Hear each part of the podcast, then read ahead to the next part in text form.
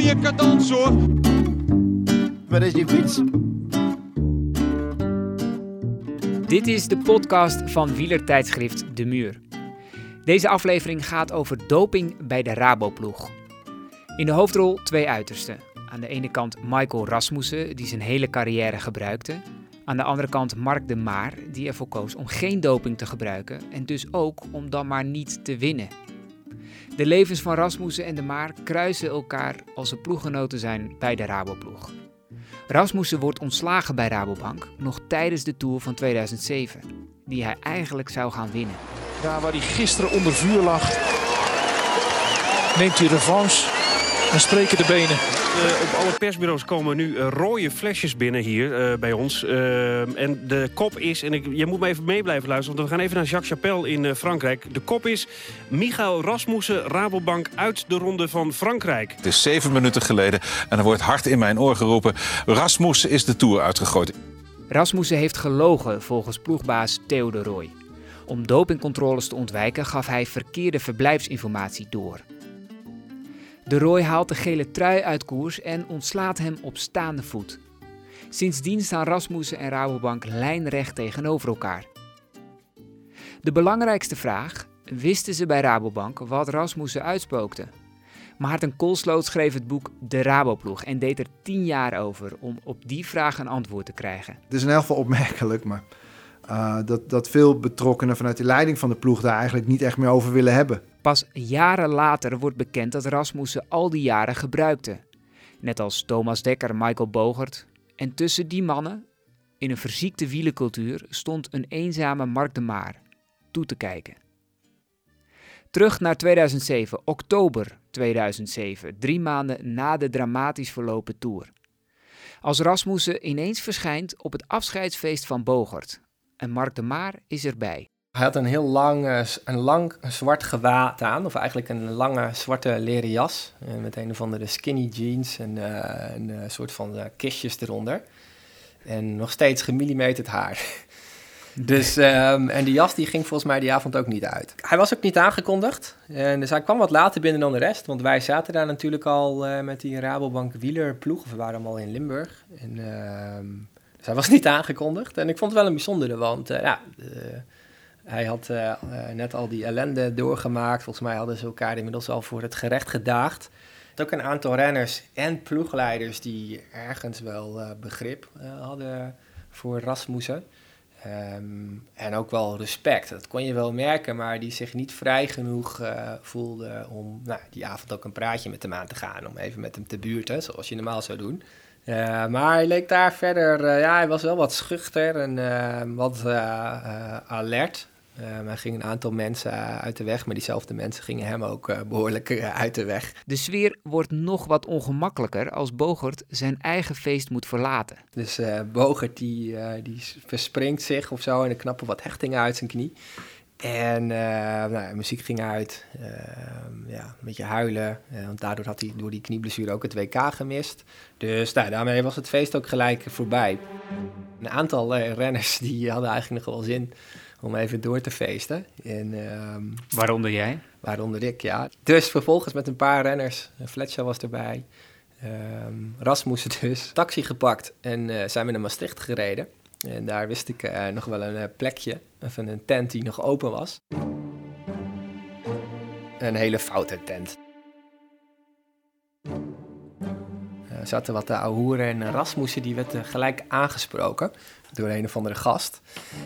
en een foute gast, zeg maar, waar je normaal met een uh, boog omheen uh, zou lopen. Maar hij was in eerste instantie nog opgewekt en enthousiast Rasmus, want hij dacht van, hé, hey, iemand vraagt mij... Er wil weer eens met iemand met mij praten. Precies, precies. Dus nadat hij een hele avond was genegeerd.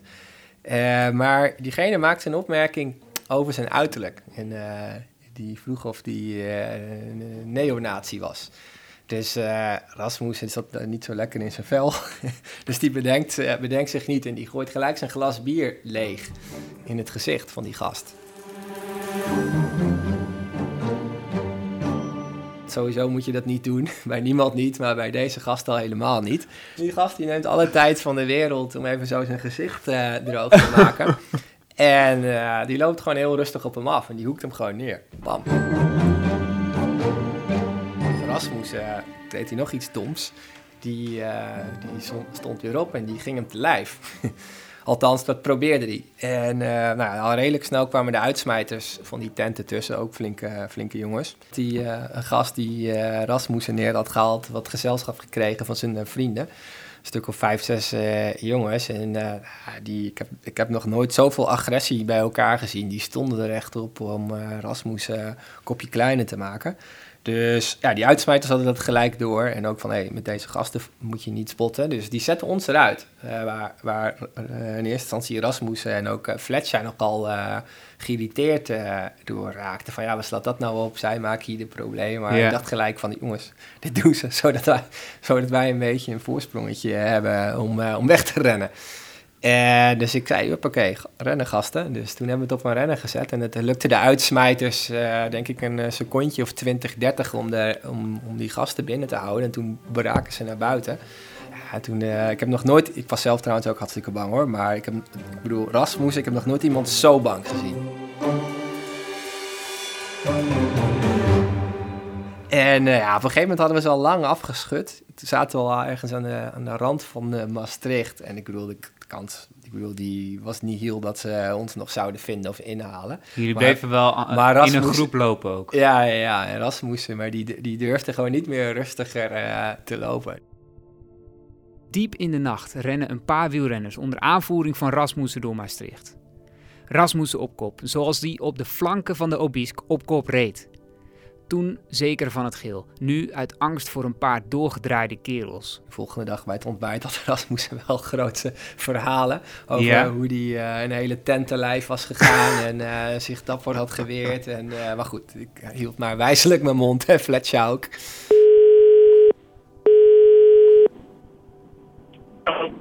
Deze krakerige andere kant van de lijn, dat is Rasmussen. Hij haalt die nacht in Maastricht nog eens terug. Well, it was a, it was a little bizarre, of course. Ik ben vooral benieuwd waarom hij überhaupt naar dat afscheidsfeest van Bogert kwam. Tussen al die mensen die intussen zijn vijand waren. Well, I've been a teammate with Michael Bogart for five years, and he had been uh, he had been very close to me, and um, and and uh, you know we certainly had a mutual mutual feeling about that Tour de France because yeah, I might lost the Tour Tour de France week to me, but so did he. And um, and you know, in in both his head and in my head, Michael he was going to lead us onto the Champs Elysees with the yellow jersey on his wheel. Um, so he lost something big as well. Yeah, yeah, and and and but wasn't that strange because everyone was there, right? Um, maybe even yeah. um, uh, Theo de Roy. Yeah. And and what you hated him, right? At that time, maybe even now. Uh, yeah, I was. You can say that there was no lost love between him and me. no, I can imagine. But but how how was it at that party? Well, I, I'm afraid of nobody. I mean, I fa- I faced up to the to the bank for six years to a multinational company, and and, and I took them to the higher court yeah. in order to seek justice. In that sense, Theo de Roy, he cannot scare me. Theo de Roy is de man die Rasmussen naar huis stuurt in de Tour van 2007. Ik wil hierbij even een verklaring afleggen. We hebben besloten om uh, Michael Rasmussen terug te trekken uit de wedstrijd. Omdat hij uh, de interne code heeft geschonden. Uh, meer bepaald om de plaats waar hij zich bevond, dat hij zijde zich bevond. En waar hij dus op dat moment niet aanwezig was. En dat heeft hij aan mij toegegeven. Dat moment verandert het leven van Rasmussen. Hij was ervan overtuigd dat hij achter Bogert in het geel op de Champs-Élysées zou rijden. Tot de Roy hem belde en zei: Ik haal je uit de Tour. In november gaat de Roy voor het eerst in op die dag. Bij het programma Spraakmakende Zaken van Paul Rozenmuller.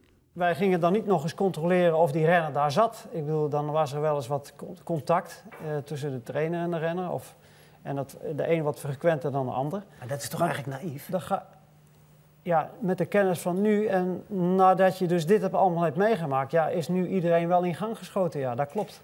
Alleen wij hadden op dat moment hadden wij nooit reden om te twijfelen uh, aan een renner. Dus... Heeft u voor de Tour overwogen om hem niet te laten starten?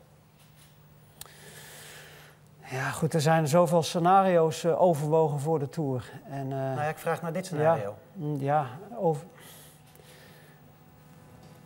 er is zoveel overwogen voor de Tour. Ja, en ik vraag naar dit scenario. En we, hebben, we hebben het niet gedaan. We, nee, we hebben maar toch, ik vraag of u het overwogen heeft. Nee, we hebben dat... Ja, ik zie bijna aan uw gezicht dat dat het geval is, eerlijk gezegd. Het is, het is natuurlijk wel door ons hoofden gegaan, ja. tuurlijk. Van, ja, wat moet je nou? En, en alleen, wat is, wat, is, wat is de reden uh, op grond waarvan je hem uit de Tour moet houden? Nou, die reden zou kunnen zijn dat Rasmussen al een waarschuwing kreeg van de UCI. Of dat al lang duidelijk was dat de prestatie van Rasmussen alleen op doping mogelijk was. Dat wist namelijk iedereen, zegt Rasmussen. Well, it was just uh, like I said, it was it was common knowledge uh, within uh, within the peloton, within all the teams, uh, just due to the history of cycling. Yeah. Um, it's like it's like arguing that the ball is round in football, right? Maarten Koolsloot interviewde bijna 300 mensen om de complete geschiedenis van Rabobank in kaart te brengen. Maar over dit onderwerp houdt iedereen zijn mond. Ja, hoe moet je het nou zeggen? Het is in elk geval opmerkelijk, maar uh, dat, dat veel betrokkenen vanuit de leiding van de ploeg daar eigenlijk niet echt meer over willen hebben. Hè, die, uh, bedoel, uh, nou, neem, kunnen ze allemaal noemen, maar Theo de Roy is, is één voorbeeld. Nou ja, die dan ja, toch, wat naar Rasmussen wijst. Of naar de, de wielenwereld toen. Hè. Dat was een rare wereld waar rare dingen gebeurden. En ja, wat, wat, ja die, kan het aan hem als het ware niet aanrekenen in zo'n soort redenatie. Maar hij wil daar niet lang op terugkijken. Uh, de arts van Mantrum is gevallen, Lijnus is gevallen. Natuurlijk allemaal mensen die ik ook heb benaderd. En, en van Mantrum die reageert wel heel vriendelijk dan op je bericht, maar die wil niks zeggen. Ja, eigenlijk de enige die wat mij betreft uh, de, die, die de vragen redelijk open beantwoordde, was Adrie van Houwelingen. Hè, die dan ja, ook wel dingen zegt in de lijn van ja... Als, ook ploegleider in die ja, tijd? hij was uh, 17 jaar ploegleider geweest, van, twee, van 96 tot 2012. Hij is uh, een van de weinigen, of de enige wil ik vanaf zijn, maar in ieder geval een van de weinige mensen die 17 jaar lang erbij betrokken is. Is opmerkelijk. en hij is daar redelijk open over, maar ook in die lijn van ja, als we nou, ja, stel we hadden nou intern gezegd van ja, er, gebeurt daar wel wat. Dat hadden we eigenlijk niet kunnen doen, want dan hef je die ploeg op. Zo'n soort van ja, dat was natuurlijk ook wel een, een, waar, een van de vele waarheden in dit verhaal. Van ja, als wij wel aangeven, dit en dat speelt er in de wielerwereld, dan zijn we misschien die sponsor kwijt, zijn er honderd mensen werkloos, weet je wel, dat soort, uh, dat soort redenaties. Maar even los van wat nou exact de, de, waarheid is, of wat er goed of fout is aan wat iemand heeft gedaan, vind ik het toch wel, ja, wel schrijnend. Uh, iemand als, als Breuking, die bijvoorbeeld niet, hè, in geval niet gereageerd heeft op mijn uh, toenadering. toenaderingspogingen dan ja, denk ja, het is jouw leven. En, en Theo, Theo de Roy dus ook niet? Ja, een paar korte gesprekken gevoerd, maar hij was niet heel happig. Overigens wel beleefd hoor, Theo. En heeft een aantal vragen beantwoord hij. En niet heel... Uh, ja, dat contact heb ik niet als heel naar ervaren of zo. Alleen, denk ja, zoveel mensen... Als je er toen bij was, dan vind ik het niet zo heel moedig... dat je daar nu niet op terug wil kijken. De aanklacht van Rasmussen is altijd geweest.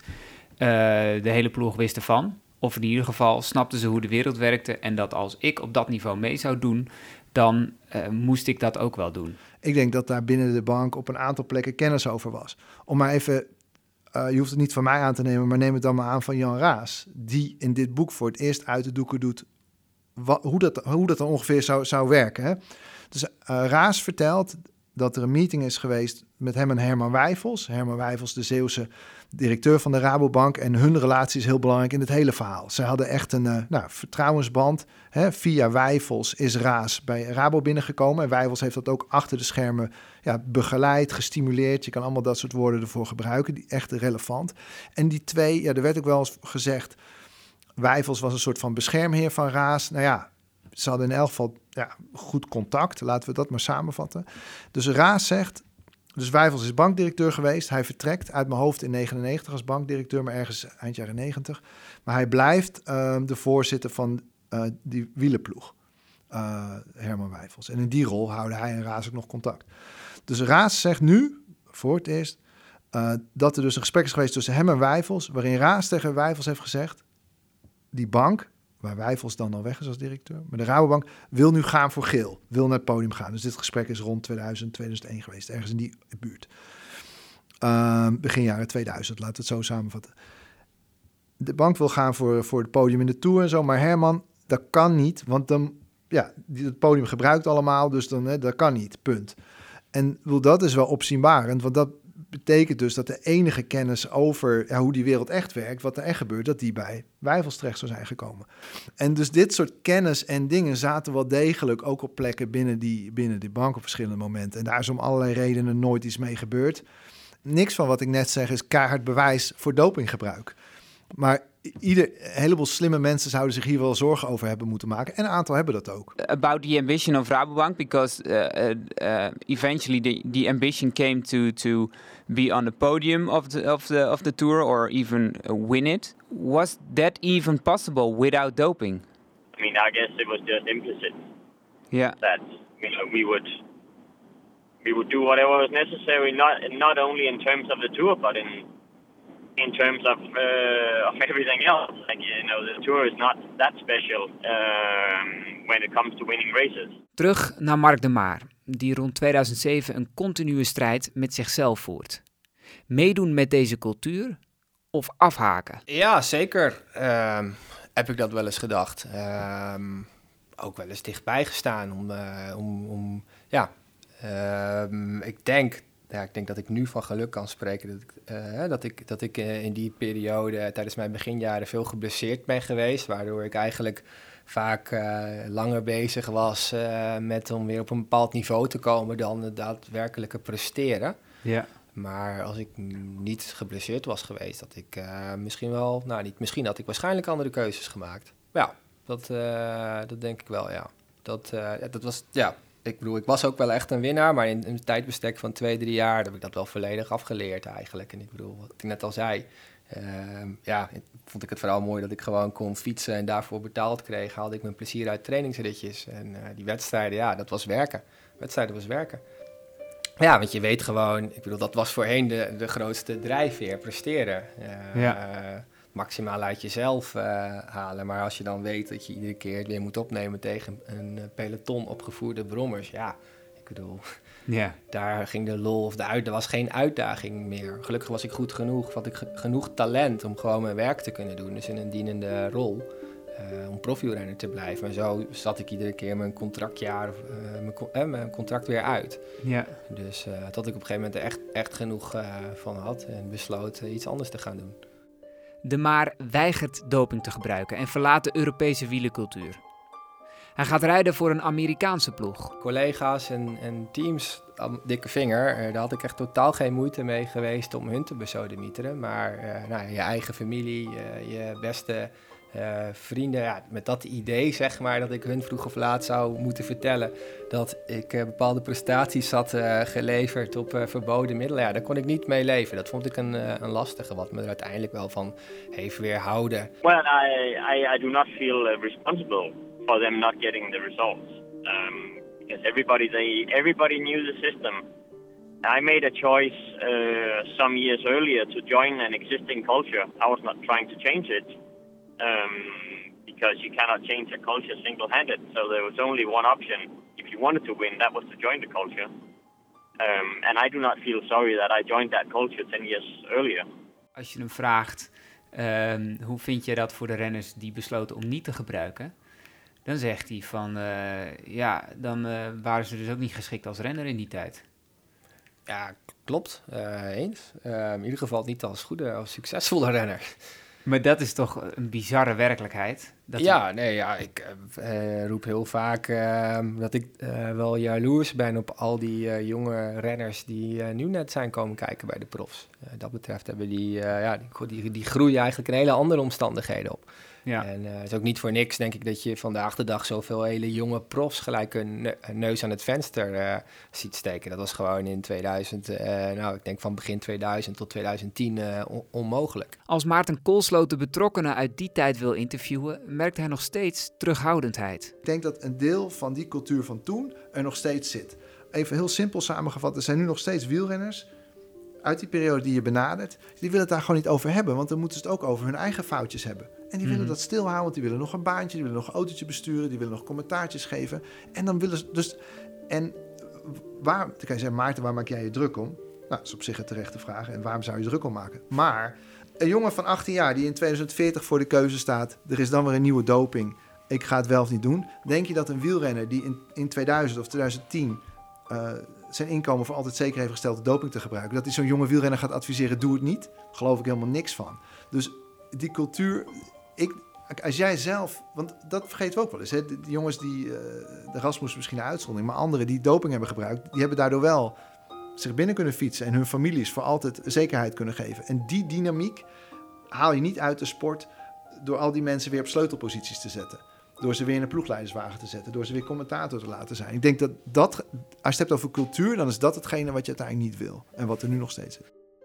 En Michael Rasmussen, die heeft geen spijt van zijn gebruik. Hij had het prima gevonden als een toerzege hem was afgenomen na de finish in Parijs. Dat gebeurde vaker.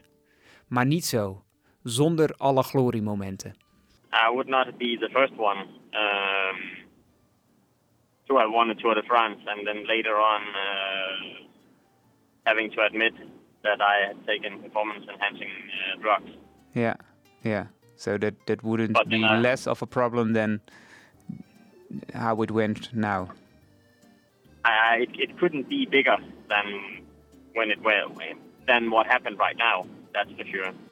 Dit was de Muur Podcast. We gaan vaker podcast maken in deze vorm. Op 7 juli, de dag van de Van Toe in de Tour, hoor je een verhaal van Bert Wagendorp over de geesten op die mythische berg. Het boek De Raboploeg van Maarten Koolsloot ligt nu in de winkels. En De Muur 73, met daarin het verhaal over Rasmussen, bestel je op uitgeverijdemuur.nl. Voor nu bedankt voor het luisteren.